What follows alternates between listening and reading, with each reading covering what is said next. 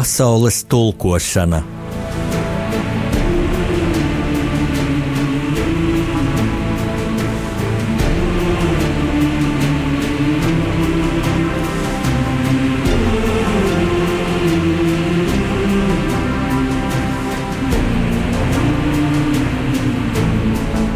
Studijā rakstnieks Jānis Udris.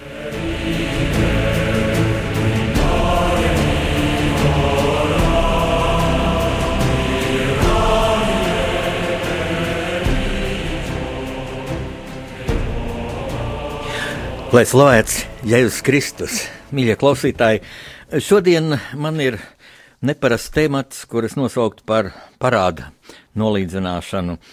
Proti, man ir tāda sajūta, ka jau sen, nu, tā šaurāk ņemot pirms uh, nedēļas, uh, plašāk ņemot pirms diviem gadiem un varbūt jau pirms gadu desmitiem, varbūt jau tūdaļ, kā Latvija atjaunoja neatkarību un mēs ieguvām iespēju uh, runāt par visu, par tematiem, par personībām, kas padomju okupācijas laikā bija aizliegts. Varbūt jau tad vajadzēja runāt par rakstnieci Ivandi Kaiju. E, sievieti, es teiktu, leģendāru sievieti, spilgtu, arī traģisku personību, kurai šomēnes, 12. oktobrī, apritētu 142 gadi. Nu, lūk, ja es saku, vajadzēja runāt pirms diviem gadiem, jā, tad, kad bija apaļ jubileja 140 gadi mm, kopš Ivānas kājas dzimšanas, e, taču, jāteic, man ir dalīta attieksme pret šīm jubilejām. Laikam jau nevar iztikt bez tā principa, ka par kādu spilgtu personību runājam jubilejas reizē, nu, lai būtu tāda sakārtotība, jo mums, nu, kā kā ikvienai nācijai, un tomēr liekas, man liekas, ka mums latviešiem īpaši mm, tāds nu, blīvums mūsu vēsturē ir ar spilgtām personībām, un tad, nu, lai būtu kaut kāds grupējums, ja, nu, tad jārunā ir apaļjubilējas reizēs. Nu, tas ir nokavēts. Es atvainojos Ivāns Kājus, piemiņā atvainojos jums. Klausītājiem pirms divām nedēļām, kad tikāmies, kad šī jubileja bija tātad tuvāk eh, kalendārā, eh, tad bija tikko pagājušas vēlēšanas, un es sabiedrībā vēroju tādu nu, lielu apjukumu, kā to izvērtēt. Nu, un centos, kā nu man ar Dievu palīgu tas um, izdevās, vairāk vai mazāk. Ceru, ka izdevās, nu tā, dot tādus orientierus, uz ko vērst uzmanību, vērtējot vēlēšanu rezultātus. Šis temats uh, bija ļoti tūs arī šī problemātika Ivānas Kājas dzīvē, bet sāksim visu no sākuma. Tātad Ivanda Kaja. Mm, nu, es atklāšu mazu noslēpumu, kad eh, šī, šī sieviete, šī rakstniece, šī patriota ir arī mana jaunā romāna varone, bet grāmata vēl nav iznākusi, tā kā to es jums pasaku tā, kā draugiem. Uh, nu, esmu pētījis Ivānas Kājas dzīvi, un Nu, man bieži tā paziņas draugi prasa, par ko tu tagad raksti, un, kad es nosaucu Ivānas Kājas vārdu, tad ļoti arī izglītoti cilvēki, bet kas ir gados jaunāki, mm, man tā atklāti ir pasaka, kas viņa tāda ir, kas viņa bija. Tātad, kas bija Ivanda Kaija? Īstie vārdā Antonija Lūkina, dzimusi 1876. gadā, viņas meitas vārds bija Meldera Millere, visumā pārtikušā ģimenē, es tā spriežu pat ļoti pārtikušā, ļoti zinātkāra jauna dāma. Viņa dzima provincē Daugaus krastos, taču jau bērnu gados ieradās Rīgā. Starp citu, mācījās tepat ļoti netālu no mums, Torņkalna elementāra skolā, pēc tam Lomonoso ģimnāzijā, mācījās Krievu valodā, kā jau tas bija Cariskajā Krievijā. Uh, Nu, un es tā nu, izskaidroju, jo šādi fakti jau vēstures liecībās nav atrodami, kā veidojās cilvēka pārliecība. Es tā izskaidroju, ka Ivandai Kājai mm, vēl nu, jaunavai esot, mm, nu, veidojās tāds mm, nacionāls spīts pret to, ka ir mācības skolā krievu valodā, ka visur tiek uzviests krieviskums. Un, kad viņa ir jau jauna sieviete, jau līgava, Ja viņi iepazinās ar Feliksu Lūkinu, jaunu, ļoti daudzsološu, progresīvu ārstu, atsārstu, taču viņš bija arī nu, tāds multi dakteris, kā varētu teikt, kas interesējās arī par citām saslimstībām un kā redz problēmas, tiek iespaidots no ķermeņa vispārējā stāvokļa un otrādāk. Nu, un tad, kad viņiem bija tas skaistais mīlestības laiks, tad, lūk, e, pagājušā gadsimta sākumā Rīga svinēja savu 700 gadu jubileju. Un tā tika svinēta ļoti grandiozi. Es pat tā salīdzināju, nu, vērienīgāk nekā Rīgas 800 gadu jubileju, ko, ko nu, lielākā daļa no maniem klausītājiem mēs pieredzējām šī gadsimta sākumā, 2001. gadā. Uh, nu, to nav pieredzējuši bērni, mūsu bērni, mazbērni. Toreiz pat vērienīgāk bija milzīga uh, rūpniecības ražojuma izstāde, kurā latvieši rādīja savu varē, varēšanu, latviešu rūpnieki, uzņēmēji, jo Latvija jā, atradās cariskajā Krievijā, kā viena tāda guberņa, bet mm, nu, mēs tajā laikā ļoti aktīvi mūsu vec, vec, vec, vec, rādīja savu varēšanu, savu talantu, un līdz ar šo varēšanu, ar šiem talantiem, ar šo talantu uzplaukumu, ar, arī ar kapitāla veidošanos, kad Rīgā daudz nams Rīgas centrā cēla latviešu mm, namsaimnieki, būvuzņēmēji. E, Lūk, līdz ar to arī auga mūsu nacionālā pašapziņa un doma, ka vajadzētu savu nacionālo valsti. Un man pārsteidz tas, ka mm, Ivanda Kaja, tātad Antonija Lukina sākotnēji, uh, kad viņi ieradās Rīgā, tepat dzīvoja Torņa kalnā, es arī aprakstu, kā viņa uh, vēroja Torņa kalnu baznīcas būvēšanu. Šī baznīca tepat ļoti netālu no Radio Marija Latvijas studijas, pa mūsu studijas logiem ir redzams, redzam Tornkalnu baznīcas smaili. Nu, tas tāds eh, gaišs laiks, jā, kaut arī vēl nebija Latvijas valsts, un pat nebija tā publiski izskanējis doma par to, ka Latvijai varētu, latviešiem varētu būt sava valsts. Mm, nu, un Ivande, kā ir, tā tad no turīgas ģimenes, ja viņi varēja mācīties šajā Lomanovso ģimnāzijā, kas atradās tagadējā Raiņa bulvārī, uh, Viņai tur jau parādījās dažādi talanti, tā skaitā arī literārs talants. Viņa uzrakstīja 15 e, gadu vecumā savu pirmo tādu stāstīnu, nu vēl panāju, bet, bet jau ar talantu iezīmēm. Un ceļošanas alkas, tāluma alkas, viņa kaut kā alka izjust pasauli, un kas man pārsteidz, ka pavisam jauna meitene, jaunava būdama, viņa pēc gimnāzijas beigām aizbrauca uz Grūziju, strādāt par maiskolotāju, taču. Ļoti ātri no turienes atgriezās un devās uz rietumiem studēt filozofiju Leipzigā, Bernē, taču tad jau viņa bija iepazinusies, bija pirmā skaistā mīlestība ar Fēliksu Lukinu, ar šo dakteri, un tad nu notika tā, ka pēc viņas tātad jaunā vīra, nu, prasības studijas tika pārtrauktas, un Antonija Lūkina atgriezās Rīgā, bija priekšzīmīga sieva, viņai piedzima trīs bērni, mm, meita Silvija, divi puikas, Helmuts un Ivars. Un it kā dzīve gāja tādu, nu, savu gaitu, ļoti izlīdzinātu, kaut tur vidū bija mm, piekta gada revolūcija, un radās arī apjausma par savu latviešu valsti. Lūk, Ivanda Kaja, uh, pirmo reizi ārzemēs būdama lasīja Londonā izdoto laikrakstu Sociāldemokrāts. Jā, Sociāldemokrāta laikrakstā.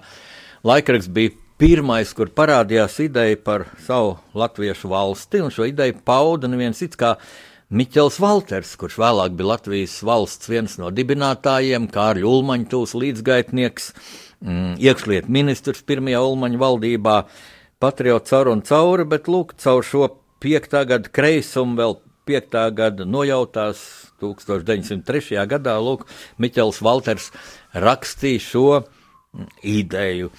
Uh, Un tad notika tāda dīvaina mm, dialektika, Ivānas Kajas, tātad mātes, sievas, visnotaļ, nu, tādas mm, labā nozīmē, nu, klasiskas ģimenes mātes, ģimenes sievietes dzīvē. Viņām atkal uzjundīja šīs tāluma alkas.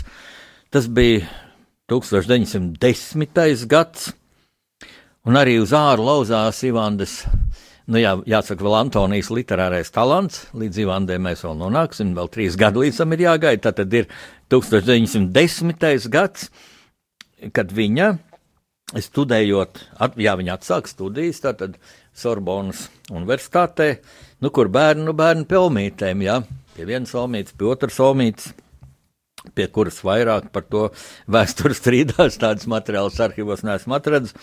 Un Ivanda studē, e, taču, un studēja laikā viņa uzraksta vēstuli Rainim un Aspāzijai, kuri tur būtībā ir netālu no nu, Rietuma Eiropu, ja ņemam kā tādu tādu valstu kopienu, kas diezgan tuvu. Mm, e, cita, citai, tad turpat blakus Francijai, Šveicai dzīvo Rainas un Aspāziju, jo Rainim bija mm, vajadzēja emigrēt, pēc 5. gada revolūcijas sagrāvas, citādi viņš atkal būtu arestēts. Ielikt cietumā vai izsūtīts trimdā. Nu, droši vien šoreiz jau cietumā, jo trimdā viņš jau bija. Un Ivanda, tātad atvainojas Antonija Lūkina, lūk raksta, it kā pilnīgi svešiem mm, literatūras dižgariem Rainim Naspāzijai vēstuli, nu, Rainas Aspāzija nezina tādu Antoniju Lukinu. Nu, Antonija ir redzējusi Raina publiskās uzstāšanās, Aspāzijas publiskās uzstāšanās 5. gada revolūcijas laikā. Ir dziļi iespaidot, un Antonija raksta, ka viņ, viņai arī nu, ir tā kā aicinājums uz literatūru, vai Rainas Aspāzija varētu viņai palīdzēt. Nu, un saņem no abiem dižajiem dzēniekiem tādus uzmundrinājumus, un tad Mm, tad nu, Antonija raksta, nu, vai varētu varbūt aizbraukt pie viņiem. Nu, un Rainis un Aspazija tā stipri atturīgi, bet raksta, lai jau nu brauc. Un vēstulē, mm, atbildes vēstulē arī tā tiek tā ļoti smalki nu, norādīts, ka jums jau nu korteli korteli, tas tā laika valodā minu apmešanās vietu, nebūs grūti atrast, jo tepat mums tūmā ir tādas lētas un tie ir piemīlīgas viesnīciņas, respektīvi pasaka, nu, ka pie mums nu jūs nevarēsiet dzīvot, un, un tas arī tā ļoti objektīvi teiks, jo, teiks, jo Rainas Aspazīja mm, tur dzīvo Šveicē, Kastaņolā ļoti, ļoti, ļoti pieticīgos asketiskos apstākļos. Viņa ienākumi ir ļoti mazi, nu, par kādām mm, Rīgā izdotām grāmatām, uzvestām lugām. Uh, tie nav regulāri ienākumi, dzīve viņiem ir ļoti skarba, un dzīvoklīts ir patiešām ļoti maziņš, nav pat rakstām galds. No šejienes arī Rainim tas ieradums gulēt tā pusveļus uh, uz dīvānu un rakstīt uz dēlīšu, kas paņemts klēpī. Nu, bet vienlaikus te nāk tāds um, aspekts, ka Dievs mm, Antoniju Lūkinu, vēlāk Ivanu Kaiļots, kaut kā smagi pārbaudīja Kāpēc tieši viņu? Tas man liels jautājums. Es daudz ko nezinu, es ilgāk dzīvoju pasaulē, jo es tā skaidrāk, godīgāk saprotu, ka es ļoti daudz ko nezinu. Un es arī nesaprotu, kāpēc daudziem cilvēkiem, gaišiem, patiešām gaišiem cilvēkiem, kas ļoti daudz no sevis, kas izturo gaismu, kas upurē sevi, kāpēc ir smagi dzīves pārbaudījumi. Nu, tā bija arī Antonija Lūkinai. Un tāds pirmais smagais pārbaudījums lūk, bija studējot Sorbonā, ka viņa tikpat kā zaudē dzirdi. Un viņa nu, arī raksta Rainim Aspāzijai, ka nu, viņai jāpārtrauc studijas, jo viņa nevar sekot profesoriem, profesoru teiktajam auditorijās. Viņa aizbrauc uz Šveici, Mm, tur dzīvo kādu mēnesi, blakus Rainim un Aspāzijai. Viņi sadraudzējas, ļoti cieši sadraudzējas un visu mūžu. Un Rainim kā vīrietim, jau vecākam par Antoniju, arī tādas, nu, tāda vīrieša jūsma par sievieti, viņš šo, šo dāmu sauc par Balto Liliju. Un Aspāzija arī nav ne greizsirdīga, nekā, nu, kā rakstniece, kas tāda liela personība, kas arī jaunības gados diezgan vētraini dzīvi ir dzīvojusi ar vairākiem vīriem un, un, un ne tikai ar vīriem. Uh, viņas labi sadraudzējas un saprotās. Un interesanti, ka šeit iezīmējas um, Antonijas nākamā literārā darbība par sieviešu emancipāciju. Un tas lielais jautājums, kāpēc Aspāzija tā kā pat atbalstījot, tas jau it kā bija atspādzījis lauciņš par sievietes tiesībām, sievietes vienlīdzību. Mēs atcerēsimies šeit ģēnēlo Lūgu Vaidalotu un citus atspādzījis darbus. Bet, ja tā vienkāršot salīdzināt, tad es teiktu, nu, Aspāzie tas vairāk bija tādā sociālā plāksnē par sievietes, varbūt politisko vienlīdzību, ekonomisko vienlīdzību, bet Ivandai, atvainojiet, joprojām jāsaka Antonijai, šī vienlīdzības ideja bija nu, tādā intīmā plāksnē, vai kā literatūra zinātnieki par to ir definējuši, ka viņi pirmā atklāja sievietes seksualitāti, respektīvi, ka sieviete ka sievietei nu, pirmkārt nevajag būt tā kā vīrieša piedevai, un ka ģimenē vai vispār vai veidot dzīvi, ģimenes dzīvi, ka to lemj tikai vīrietis, ja, un sieviete jāpakļaujas, pat ja sieviete šo konkrēto vīrieti nemīl, bet mīl citu. Un tā ļoti no šodienas ētikas viedokļa tas ir ļoti taisnīgi, ļoti saprātīgi. Uh, es domāju, arī no kristīgās morāles viedokļa, kad vadīties no jūtām, ja neiet uz nemīla, nemī, pie, neprecēties ar nemīlamu cilvēku. Nu, pat, nu, ja tā ir gadījies kaut kā precēties, tad var arī šķirties. Arī sieviete var ierošināt šķiršanos. Sieviete ir tiesības uz savu jūtu dzīvi, uz savu mīlestību. Nu, eh, kā Antonija Lūkina pārtapa Rivandi Kaija tas ir tāds traģisks stāsts mm, par to, ka es teiktu, nevajag izaicināt likteni. Lūk, kādu dienu Antonija ar Aspāziju staigā pa Kastaņģolas jaunajiem kapiem un ierauga jaunavas, kādas jaunavas kapa pieminekli. Jaunava mm, agros gados ir mirusi, un uz viņas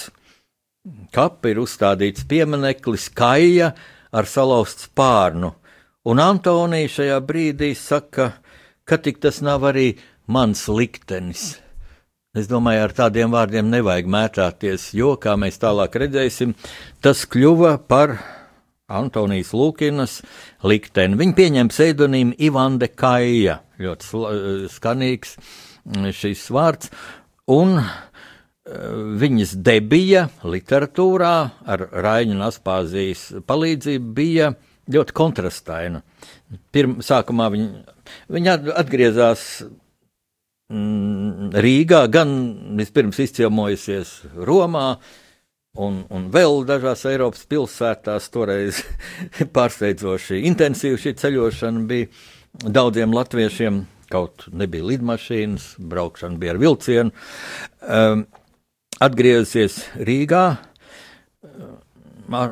pie savu vīra, Feliks Lukina, mm, tātad Antonija, nu jau Ivanda Kaja, sāka rosīgi rakstīt sākumā tādas lugas, kas nebija veiksmīgas, Rains un Aspāzija tā atklāti arī pateica, ka nu, šis īsti nav viņas lauciņš.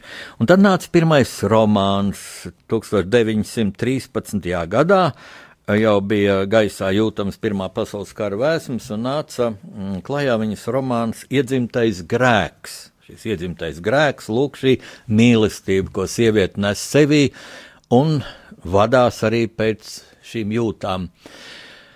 Šo romānu kritika uzņem viennozīmīgi negatīvi, iznīcinoši, un te ir interesanti palasīt šīs recenzijas. Nu, recenzenti toreiz bija tikai vīrieši. Un bija tāda žults, un cauri visam nāk tas, ka, nu, ja, ja vīrietis var rakstīt, tad, kā saka, ok, tad viss ir kārtībā, tad viss ir pa, pa smuko, pa labo. Nu, sieviete tā nedrīkst rakstīt. Un um, Ivāns Kajas, jā, romānu bija parakstījis tāda Ivāna Kaja, šis pseidonīms. Uh, Antonijs Lukins vīrs, Feliks Lukins pat šo romānu nosauc par pornogrāfiju. Un, un ja tā mm, kāds noklausās šādu apzīmējumu. Ir jau cilvēki, kurus šis žanrs interesē. Tagad tas ir bez kādām cenzūrām ļoti plaši izplatīts arī Latvijā. tas aizliegtais auglis. Tas ir tas žanrs, kas bija nu, ļoti vilinošs mums padomju okupācijas laikā. Es atceros, ka mūsu mm, cilvēki, nu, vīrieši, ja, ja bija iespēja nokļūt rietumos kaut kur tas kreiz tādiem kinīšiem un skatījās, nu, tas, protams, ir banāli, lēti, dumji, bet nu, tā, tā, nu, tāda ir dzīve. Un, un, Un, un pēc tā var tikai teikt, ka nu, šis vārds galīgi nebija vietā. Tur nu, nekādas pornogrāfijas nav. Varbūt dažas nu, ļoti atturīgi tādas erotiskas epizodes, teiksim, kā romāna galvenā varone gaida aiziet upītes krastā. Tā ir mergupīte, kas, kas tek caur mālpilī. Un uh, izģērbs kailu un, un ieliec ūdeni un peld un ūdens glāstu viņas skaisto jauno ķermeni. Nu, nu, tā ļoti skaisti. Tāda, nu, tas man atgādina tādu literāru. Nu, aktu, kā no glezniecības paņemt šo žānu akts, brīnišķīgi, brīnišķīgākie pasaules mākslas šedevri ir tapuši šajā žanrā. Mm. Nu, lūk, taču interesanti ir vērot, kā cauri pasaules kara šausmām, ciešanām, kad Ivandai Kājai ar bērniem. Vienai ir jādodas bēgļu gaitā, sākumā viņi dzīvo pie Maskavas, tur mazā pilsētņā, pēc tam Krimā. E, atgriežas jau vēl iet pasaules karš, kad viņi atgriežas Latvijā, apmetas Mālpilī, ģērķēnos, ģērķēnu mājā, kas ir šajā mā, Mergupītas krastā. Kā viņā rodas nu, tāda interese par politiskiem, sociālajiem procesiem, paralēli šai literārajai darbībai. Un kas vēl ir ļoti interesanti, ka jo vairāk uh, kritiķi šo grāmatu noliek, nu, burtiski noķēngā, uh, Jo eh, šo grāmatu labāk pērk, jo nu, to, ko lamā, to, to publika pērk. Un uh, grāmatu izdevējs saka, ka tu neuztraucies, tu tikai raksti, un kad būs tavs nākamais romāns. Un uh, Ivāns Kais honorāri ir tā salīdzinot trīsreiz lielāki kā Rainim Naspāzijai par viņa ģeniālajām lugām. Un viņa nu, no tādas skolniecītes, Raina Naspāzijas skolniecītes, un uh, varbūt garīgā ziņā it kā nu, tādas nabagās radinieces, kā, kā, kā faktiski Rainis un arī Aspāzija viņu nu, tā izjūt visu laiku pamācīt, un tā viņa kļūst arī par Raina Aspāzijas sponsorētāju, sūta viņiem nebaltās dienas uz Šveicu naudu, Un, un, un pie tam ārkārtīgi aizkustinoši rūpējas par Aspāzijas māti. Aspazijas māte mirst Jelgavā. Aspazija nevar atbraukt no, no Šveices. Nav ne naudas, ne arī faktiski, nu, varbūt viņi viena varētu atbraukt, bet, nu, ir karš, ir pirmais pasaules karš, gandrīz neiespējami. Un tad, eh, lūk, Antonija, Ivana Kaija brauc pie šīs mātes un tiešām arī aizspiež viņai acis, kad, ir, kad viņa aizgājusi mūžībā un nogriež matu sprogu un sūta aploksnē aspazien tāds ļoti aizkustinošs rūpes. Un, jā, un Pirmo pasaules karu viņi faktiski pavada viena bēgļu gaitās, jo Feliks Lūkins, kā ārsts, tiek mobilizēts armijā. Viņam jāstrādā par ārstu uz dzelzceļa, par ārstu. Tur viņš arī saslims ar tuberkulozi un ir tādas ļoti traģiskas kolīzijas 17. gadā. Septembrī, kā zināms, tas ir pēc februāra revolūcijas, šis juku laiks. Uh, un Rīgā ienāk Vācu armija. Ieņem Rīgu, Vācu armija, un vajag ar tā notikt, ka Ivanda Kaija, viņa ar trim bērniem dzīvoja Mālpilī, bet bērniem nu, bija jādomā par bērnu tālāk skološanu, jo šīs bēgļu gaitas Krievijā, tur Krievijas skolās bija cirtuši pamatīgi robu izglītībā, un, un Ivanda ar savu vecāko meitu Silviju atbrauc uz Rīgu, nu, Silvijai jā, jākārto kādu papildus tur pēc eksāmena, lai noskaidrotu, vai viņi var uh, tikt uh, uz nākamo klasi vai jāpaliek uh, gadu vēl tajā pašā klasē. Un, un lūk, viņi atbrauc uz Rīgu, divi pārējie bērni paliek, puikas paliek Malpilī, un Rīga krīt, ienāk Vācu armija, viņi netiek atpakaļ uz Malpilu, un fronte apstājas tieši starp Rīgu un šo Malpilu. Ja? Un ilgāku laiku Ivāndi no abiem puikām šķirta. Bet nu, viņi kaut kā var sarakstīties pāri fronts līnijai, un radiniekiem, kas ir Mālpilī, nu, tiem izdodas aizvest abas puikas pie tēva.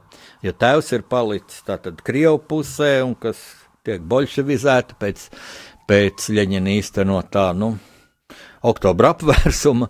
Drīz 7. novembrī būs tā sauktā oktobra revolūcijas gada diena. Es tagad smaidu par to runādams, tā nebija nekāda revolūcija.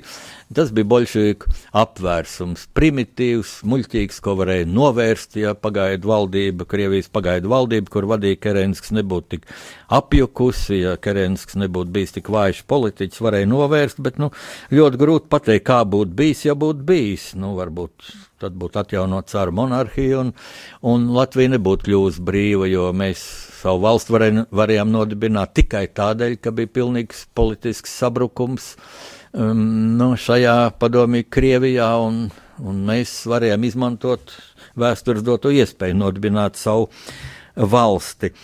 Un būtībā par Ivānu Kāju tā īsti kā par vēsturisku personību, ne tikai par personību, saudabīgu, pretrunīgu personību literatūrā, pretrunīgi vērtētu, bet nenoliedzami talantīgu un jauna ceļa gājēju, nu, kā par simpātisku cilvēku. Nu, mēs arī varbūt šodien nerunātu, bet nāca 1919. gads ar bezgalā asiņainiem pārbaudījumiem Latvijai vispirms jau Pēters Tučkas lielinieku terors, kas ilgs tātad no 19. gada sākuma līdz, līdz maijam Rīgā, pēc tam asiņainās cēsu kaujas, visu to Ivānu Kāja pieredzi pārdzīvo, bet tad oktobrī Rīgai uzbruk Bermonds. Un lūk, šeit parādās Ivāna Skajas, cildināt dvēseli, viņa kļūst par tautas tribūnu. Vispirms viņa iestājas sieviešu palīdzības korpusā, un kad viņai jautā, nu, ko jūs gribat darīt, slavenā rakstniece, viņa saka, jebko, ko vajag es darīšu, ja jau šis sieviešu palīdzības korpus, kam centrs ir tagadējā Rīgas Latviešu biedrības namā, nu, toreiz ar, ar tas bija Rīgas Latviešu biedrības nams, uh, nu, šīs sievietes, nu, vāra ēst karavīriem, nes uz ierakumiem pārtiku, mazgā vēļu, Un tiešām iznāk tā, ka Ivāna Kāja sākumā mazgā veļu, jo nav kas šo ve, eh, zaldātiem veļu mazgās. Taču viņa iesaistās vēl un vēl, viņa strādā Latvijas sarga redakcijā par redaktoru vietnieci, viņa publicē ārkārtīgi daudz rakstus, ļoti kaismīgus, un viņa uh, arī tiek uzaicināts strādāt ārlietu ministrijā, jo Ivanda prot kādas septiņas valodas, un tur ļoti mm, ministrijā trūkst valodu, sešu valodu speciālistu. Un pats galvenais, ko Ivanda Kaita tajā brīdī izdara, nu, tā ir tiešām kaut kāda dieva dota izjūta, ko Latvijai visvairāk vajag, jo Latvijai faktiski nekā nav. Mūsu karavīri brīvprātīgi dodas uz ierakumiem, uh, Pat bez ieročiem uz diviem karavīriem varbūt ir viena šautene, daži esot gājuši basām kājām oktobrī, jo bija kaut kādas vīzas lauku puišiem, kas iebrauc Rīgā un kas rudens dubļos izšķīst. Mums vajag apaus karavīriem, mums vajag ieročus, patronus, ložmetējus, lielgabalus, nav naudas. Un Ivanda Kaja raksta uzsaukumu latviešu sievietēm, kurā aicina Dodiet valstī, atdodiet, atdāviniet valstī savas zelta lietas. Jo katrai latviešu sievietei taču ir vismaz viena zelta lieta, laulības gredzens. Atdodiet šo laulības gredzenu. Ko šie zelta grabuļi jums dos, ja mēs pazaudēsim pašu dārgāko, kas mums ir Latviju? Un lūk, šī Ivāna skaists vārds atrod dzirdīgas sirdis, un sievietes pēkšņi nes tik daudz šīs zelta lietas, ka nav gandrīz nav telpu, kur tās visas likt, nav darbinieku, kas tās iereģistrē. Ja vajag jau kārtībai pieregistrēt, ko katrs atnesa. Kaut nekas atpakaļ netiek gaidīts, nekas atpakaļ netiek dots. Šis zelts, ja šie daudzie kilogrami zelta, kas sanāca, izveidoja pamatu Latvijas zelta fondam, un ja pēc tam pēc diviem gadu desmitiem padomju okupācijas priekšvakarā Kārlis Ulmans, prezidents, deva pavēli, slepenu pavēli, bet ļoti saprātīgu pavēli, varbūt vienīgo saprātīgo pavēli, jo Jūs zināt, ka es ļoti kritiski vērtēju Kārļa Ulmaņa lēmumu nepretoties padomju agresijai, par to ir bij, bijis īpašs raidījums. Lūk, dod pavēli mūsu Latvijas zeltu izvest uz ārzemēm, kur tas būs drošībā, deponēt uh, Francijas un Anglijas bankās.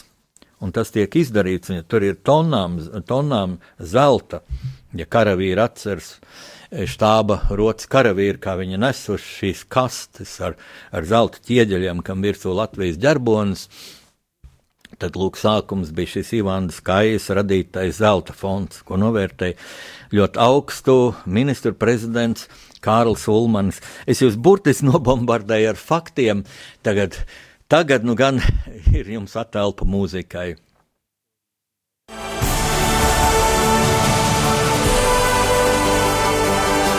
Pasaules tulkošana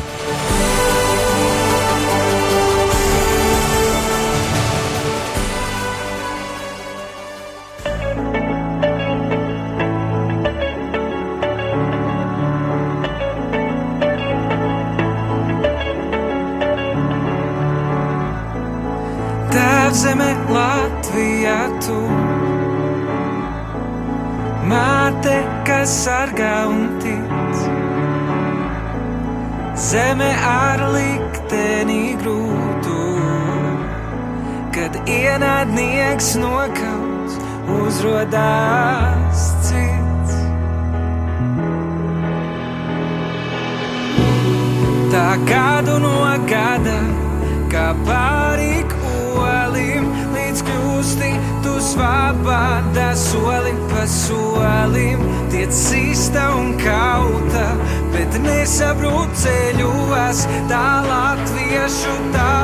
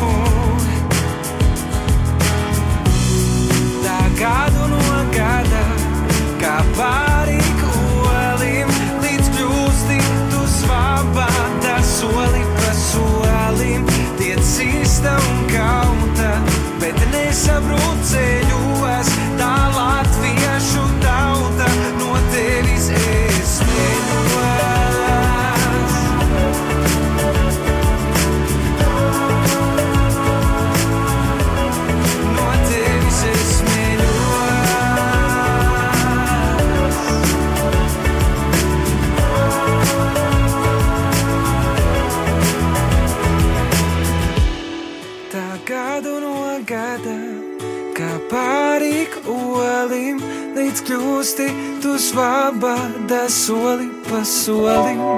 Tiec īsta un kauta, bet nesabrūt ceļos, tā latviešu tauta no tevis es smēļos.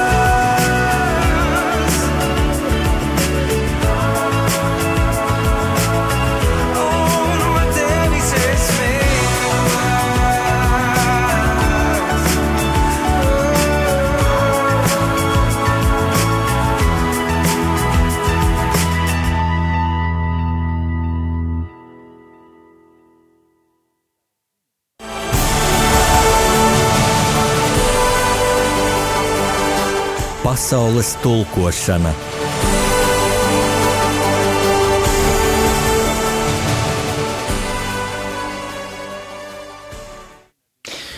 Mīļie klausītāji, ar jums studijā tātad kopā ir mm, rakstnieks Jānis Udris. Atļaujiet atgādināt mūsu ziedojumu tālruni, tātad, ja jūs vēlaties atbalstīt Radio Mariju Latviju darbu, tad eh, piezvaniet uz numuru 900 6769 900 7, atvainojiet, 900 67 69.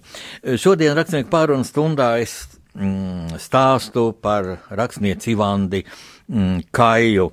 Un tātad, kā jau kā, teiksim, televīzijas seriālos, tas ir, es eh, atļāvos eh, savu stāstījumu pārbeigt pašā dramatiskākajā vietā, mm, Bermontiādas laikā, kad ļoti, ļoti bīstama situācija bija Latvijas valsts pastāvēšanai, un šajā laikā Ivanda Kaja publicēja kaismīgu uzsaukumu Latvijas sievietēm dāvāt zelta lietas Latvijas valstī. Tā radās pamats arī Latvijas zelta fondam, un man bija ļoti interesanti lasīt uh, Ivandes uzmetumu, uzmetumu šim rakstam, un šeit ir tādas tēzes.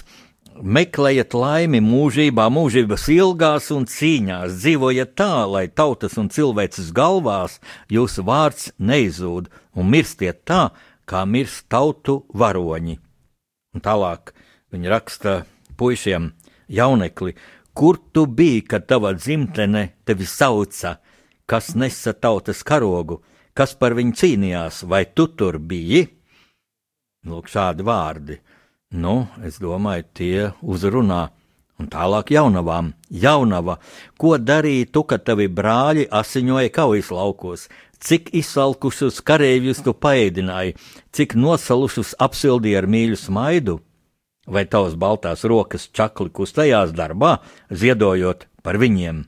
Lūk, tas bija melnraksts šim Ivānas Kājas uzsaukumam, un es mūsu mm, šīs dienas mm, sarunas sākumā minēju, ka Ivāna Kāja ir arī viena no traģiskākajām personībām Latvijas vēsturē. Kādēļ?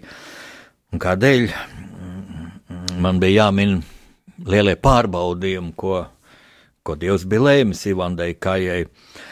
Uh, tātad Latvija asiņainās Bermudiādas cīņās nosargāja savu varonību, dzima daudz varoņi. Starp šiem varoņiem bija Ivāndē Kaja, viņa vēlāk tika abalota ar, ar trīs zvaigžņu ordeni. Um, pēc tam Ivānde Kaja 1920. gada sākumā aktīvi iesaistījās politiskajā cīņā. Tas ir atsevišķs stāsts, jo Viņa bija stiprā sociāldemokrāta iespējā, un Ivānai Kājā cīnījās šis kreisais virziens ar labējo.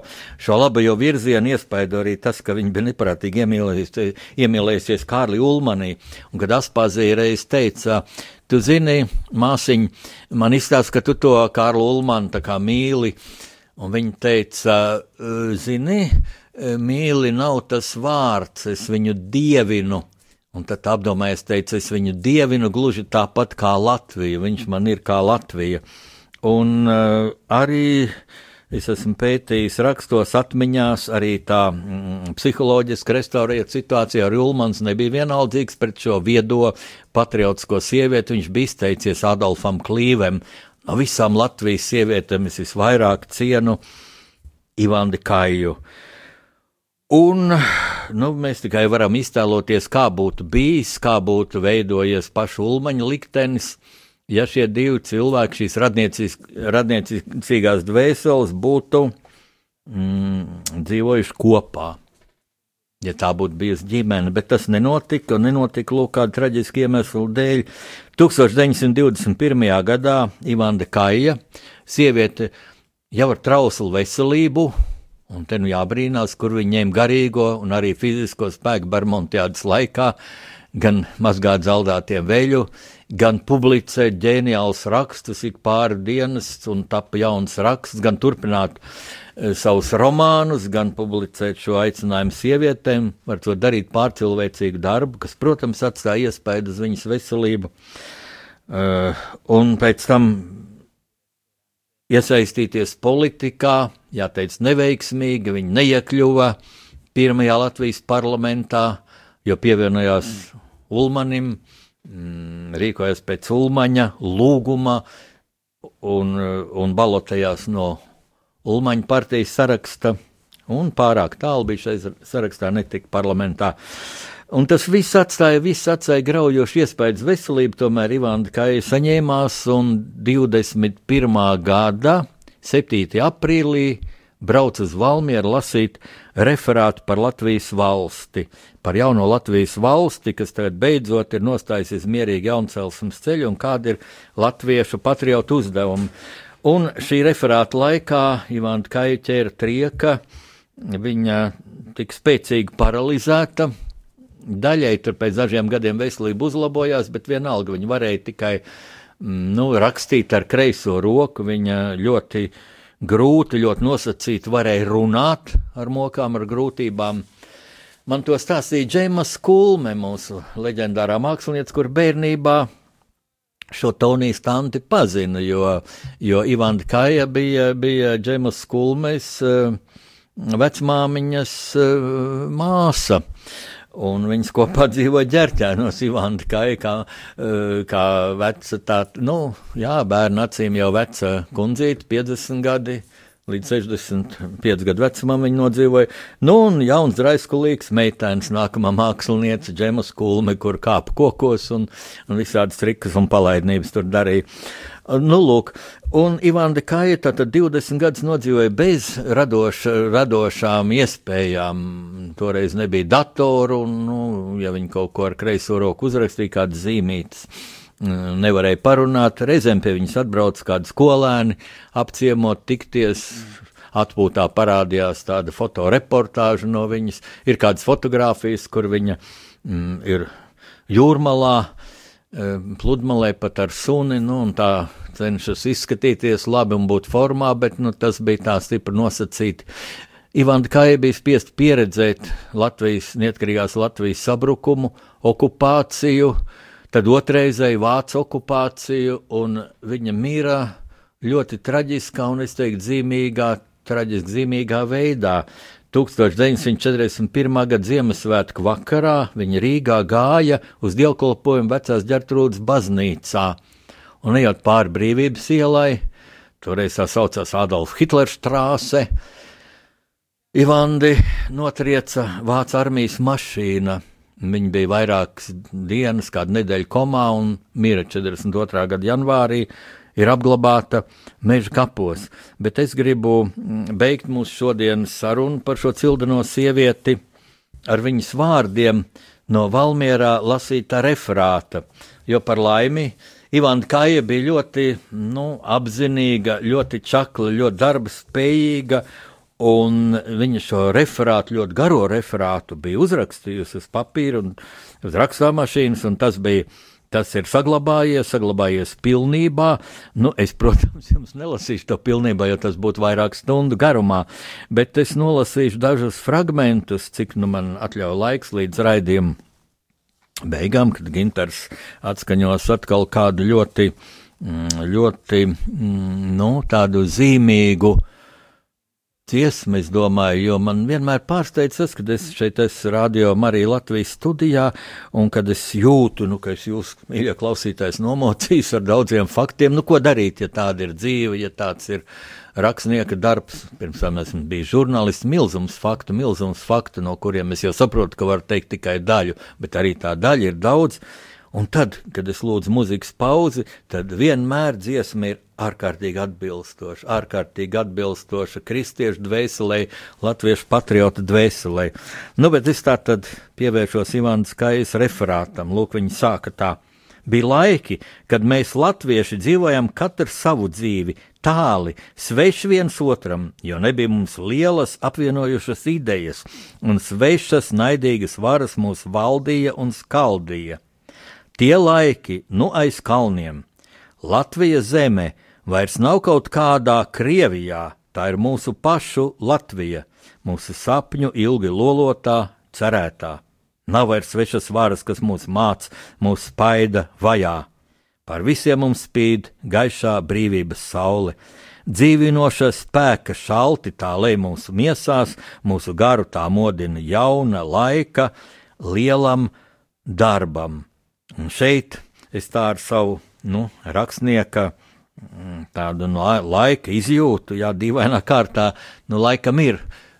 Katrā rakstā, nezinu, vai katrā rakstniekā, bet tā jūtu kādreiz rakstījams, ka, nu, kā atdzīvojas tā situācija, es esmu it kā tajā situācijā iekšā, un šajā gadījumā es kā sēžu tur mm, Valmierā, tajā mm, telpā, kur tiek lasīts referāts, sēžu pirmajā rindā, kā cilvēks, kas pazīst Ivānu Kaju, kas ar viņu saskatās, uzsmaida viņai, un es redzu, ka Ivāna Kaja šai vietā brīdi iedur pauzi, un pār zāli pēc šiem vārdiem pārskrien tāda atzinīga murdoņa, jo tas ir 1921. gads, pusotru gadu tikai pa, pastāv Latvijas valsts, un tikai dažus, tikai, nu, gadu ir, ir, ir, ir brīva, eh, Latvija brīva no kara, no svešu, svešu armiju ka, eh, karavīriem, bermontiešiem.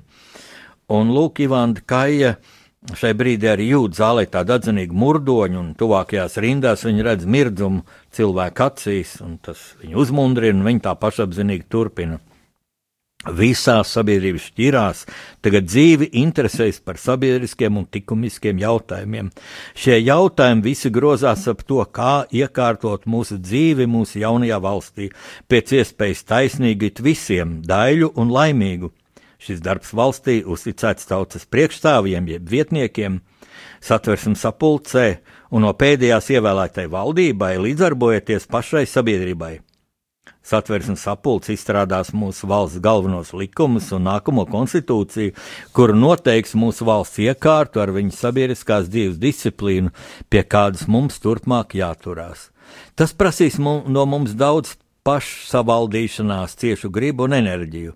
Mēs tad esam brīva valsts, mums jāatrod pašiem sevi, savā personībā, sava karaļa valsts. Uzvarēt sevi - lielākā uzvara Katrs grib būt pavēlnieks savām kaislībām, tam jāradinās pie labām paražām un jābūt nomodā, nepagrimt ikdienas sīkumos un seklībā.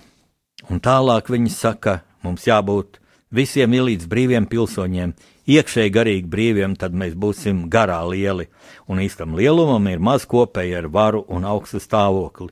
Tāds nekad nedrīkst būt mūsu centienu gala mērķis, lai neaizmirstam, ka visi kroņi ir vairāk vai mazāk ēršļu kroņi, un jo apzinīgāks tā nesējas, jo smagāk uz tā gulstas atbildība.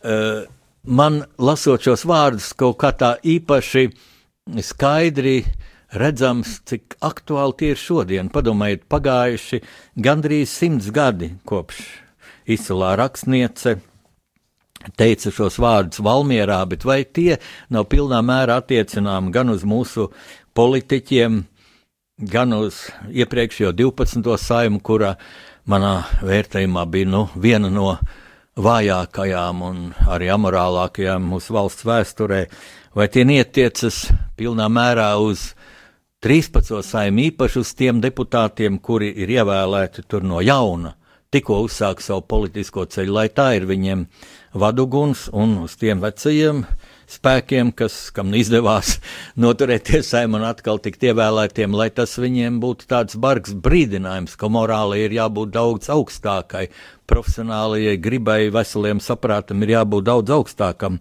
nekā tas bija līdz šim. Citādi, citādi tādi cilvēki tiks aizmēsti, jo acīm redzot, mūsu tautā mostās šie spēki, atkal mostās šie spēki, par kuriem raksta Ivanda Kaija, un mūsu tauta, tas man ir liels prieks par to. E, šajās vēlēšanās nobalsoja ļoti skarbi, jo vēlēšana rezultāts ir būtībā barga, kritika, barga kritika tam zemajam politiskās morāles līmenim, kāds bija 12. saimā. Uh, Un tagad es uzšķīru šī referāta beigas, jo Ivanda Kaja pašas beigas pat nespēja izrunāt, jo nu, viņa vienkārši sabruka, bija, bija šis insults, trieka, bet pēdējie vārdi, ko viņa ar grūtībām paspēja izrunāt, es tā restaurēju, bija tādi: beigās vēlreiz visiem jauniem un veciem Mūs visus vieno mūsu gaišais ideāls, mūsu nacionālā valsts. Šī gaišā gaismas bāka tā lai spulgo pie mūsu dzīves apvārkšņa, aicinādam uz brālīgu apvienošanos vienprātīgā darbā, mīlestību uz tautu, dzimto zemi, lai ir mūsu svarīgākais zinējspēks. Mums visiem, kā vienai lielai saimē, jābūt gataviem stāvēt par mūsu valsti, mūsu jaun iegūto brīvību. Lūk, šajā vietā Viņa skatiens aizmiglojās, teksts izzuda līdz ar pamatzem kājām, un Ivande lēni kā aizsirsta niedre, līdz līkstot pēdējos referātu vārdus, skanēja sirds acīm, un šie vārdi ir ar degošiem burtiem, lai mūsu sirdīs kvēlo, lai dzīvo Latvijas valsts. Mīļie klausītāji, ar šiem vārdiem Es atvados, lai Dievs jūs svētī un sargā, lai Dievs svētī Latviju.